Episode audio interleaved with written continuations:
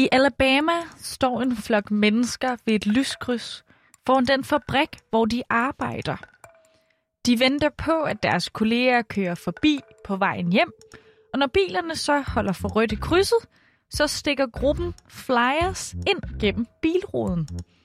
På sædlerne her, der står der, at gruppen gerne vil starte en fagforening. De arbejder hos Amazon, som er verdens femte største virksomhed, og hvis mange tusinder af medarbejdere aldrig har organiseret sig. Men nu skal det være, tænker de. Men så sker der noget mystisk. Efter lidt tid sker der et eller andet med trafiklyset. Bilerne, de har i hvert fald ikke længere tid til at stoppe op og rulle vinduet ned, når de kommer frem til krydset. Amazon har nemlig sørget for at ændre rytmen på lyskurven, så bilerne ikke længere har tid til at sænke farten. Endnu en gang er det lykkedes Amazon at slå en spirende fagforening ned.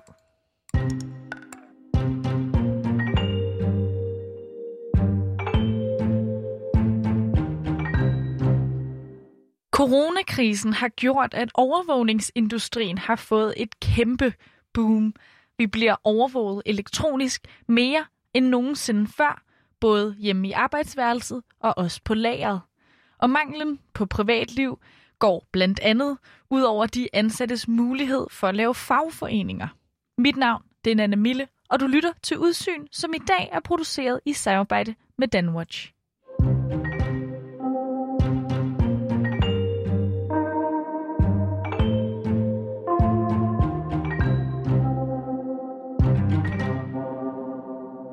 Historien handler om, at det lige nu under pandemien bliver tydeligt, at der er rigtig mange arbejdsgivere, der er interesserede i at vide, hvad deres ansatte laver. Det her, det er Nikolaj Hovmand Mortensen.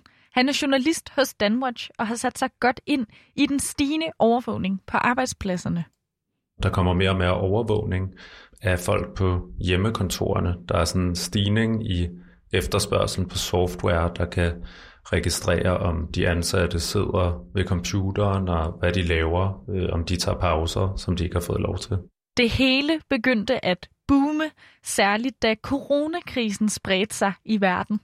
Lige i starten af pandemien, der, der skete der sådan en helt vild øh, stigning i øh, søgninger på sådan noget så som How to Monitor Employees Working from Home. Det steg med over 1700 procent i april 2020. Øh, men det er også firmaer, som, som producerer software til overvågning af ansatte, som rapporterede om i sommer allerede, at de havde en stigning på 600 eller 500 procent i, øh, i mængden af henvendelser fra interesserede kunder. Og den stigende efterspørgsel på overvågning handler blandt andet om, at din chef jo ikke længere kan se dig over skulderen for ligesom at tjekke om, får du egentlig lavet dit arbejde, eller sidder du bare på din Insta, eller får spillet Candy Crush? Så hvad gør en chef, som gerne vil vide, hvad du laver derhjemme på skærmen? Hun eller han kan jo for eksempel bruge kunstig intelligens til at holde øje med dig. Det, der har været fremme her på det sidste i forbindelse med pandemien, det har blandt andet været et øh, fransk øh, selskab, der hedder Teleperformance, som faktisk er en af verdens største callcenter virksomheder, som øh, har kontorer i, i over 30 lande og har over 300.000 ansatte. Øhm, de har udrullet sådan en software, de selv har udviklet, som overvåger de ansatte igennem deres webkameraer. Øh, og der bliver der brugt øh, kunstig intelligens, øh, som holder øje med, om, om du sidder og er optaget af arbejdet, som også holder øje med, for eksempel, er der nogle personer i baggrunden derhjemme, som forstyrrer dig? Kigger du på din telefon? Tager du en pause, som egentlig ikke var registreret, at du måtte tage? Og hvis du ligesom bryder med nogle af de her øh, regler, som, som arbejdsgiveren har sat på forhånd, så bliver der automatisk taget et billede af dig med webkameraet, som så bliver sendt direkte til chefen. Så overvågningen af folk, der arbejder hjemmefra, er eksploderet. Men faktisk er det gået endnu hårdere ud over lagerarbejderne. Flere steder så bliver de overvåget hvert eneste sekund, de er på arbejde, siger Nikolaj. Jamen altså lige nu, der kan vi især se tendensen øh, hos folk, der arbejder på lager, og det der har jo været rigtig tydeligt med Amazon, som øh, er en af verdens største arbejdspladser, øh, at, øh, at de har virkelig pioneret den her teknologi, hvor man højere, holder øje ned på sekundet, hvor lang pauser folk tager, og hvor lang tid de er om at udføre en arbejdsopgave, man har sat syv sekunder af til at levere en pakke, og så får folk automatisk en sms, hvis de har brugt for lang tid på det, eller de kan begynde at få advarsler, hvis, hvis de generelt tager for lange toiletpauser eller, eller frokostpauser. Ikke? Amazon har du nok hørt om. Det er i hvert fald den her gigantiske virksomhed, der lever af at sende varer til hele verden på meget kort tid. Som jo har revolutioneret internethandel i den forstand, at du kan bestille stort set alle ting, og at du får dem som kunde ekstremt hurtigt. Øh, I Danmark, der går der som regel nogle dage, men i USA kan det være sådan, at du bestiller en vare, og så er den simpelthen inden for øh, et par timer eller en enkelt time, så står den på dit, øh, på dit dørtrin. Og for at Amazon kan være helt sikker på, at lagerarbejderne får løbet hurtigt nok, så følger de med i alt, hvad deres ansatte gør. Det bliver registreret og logget, hvor lang tid du bruger på øh, hver enkelt arbejdsopgave, hvor lang tid du bruger på en toiletpause, og hvor lang tid du bruger på en, øh, en frokostpause ned til det, til det enkelte sekund. Øhm, og samtidig med ekstremt høje krav til, hvor hurtigt du så skal gøre de her ting, så har du så ført til en masse sager, blandt andet med øh, Amazon-chauffører og lagerarbejdere, der fortæller, at de, øh, at de tisser i flasker, fordi at de ikke kan nå de her toiletpauser, og at de jo også altså, besørger i poser, øh, mens de kører bilen simpelthen. Øh, har der været ret mange historier om, og, og ansatte, der generelt fortæller om, om udbredt stress og depression på grund af de her øh, meget, meget høje øh, mål for deres øh, arbejdsindsats. Og denne her grad af overvågning, ikke bare stressende og ubehagelig for medarbejderne, Nej, det stopper dem faktisk også i at gå sammen i fagforeninger, hvor de ellers ville kunne kæmpe for nogle af deres rettigheder. Det siger Ivan Manoka, som er afdelingslektor i international politisk økonomi ved Oxford Universitet. Well, you see, um, there are lots of rights which depend on the right to privacy. For example, voting, right? It's important. The right to organize, to create social movements, political parties, and also to unionize. Og ifølge ham, så er massiv overvågning på en arbejdsplads problematisk før. forestil dig lige det her, altså hvis din chef, hvis du ved, din chef sidder og lytter med fra en mikrofon, mens du brokker dig til en kollega, ja, så er der nok en del ting, du ikke har lyst til at fortælle eller tale om. You need privacy because if you don't have it, can you really, you know, do it if, if everything you say in the workplace is recorded, for example, right? How can you create a union? Very difficult, of course. So by making um, the activity of workers more transparent, this obviously, obviously will have an effect on their ability to organize and on the ability of employers to actually monitor what they are doing, whether or not they are organizing. Og lige Amazon er særligt kendte for at køre en direkte fagforeningsfjendtlig linje, siger Nikolaj.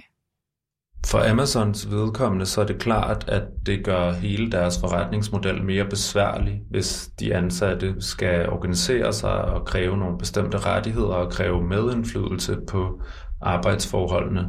Øh, man har jo organiseret den her ekstremt effektive øh, maskine, som ligesom er beregnet ned til, til det sidste sekund, hvor lang tid de forskellige arbejdsopgaver tager, og hvor hurtigt man kan få en vare ud til kunderne.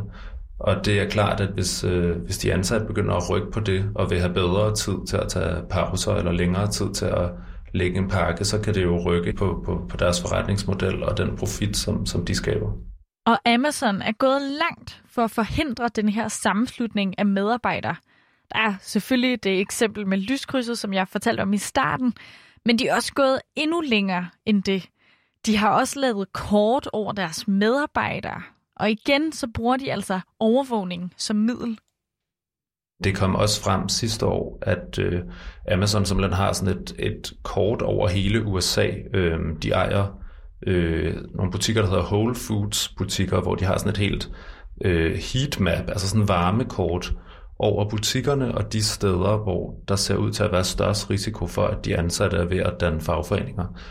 Og det er sådan nogle kort, der bliver skabt af alle mulige data, man har både på de ansatte, men også på de sådan, socioøkonomiske forhold, øh, det sted, hvor butikken ligger.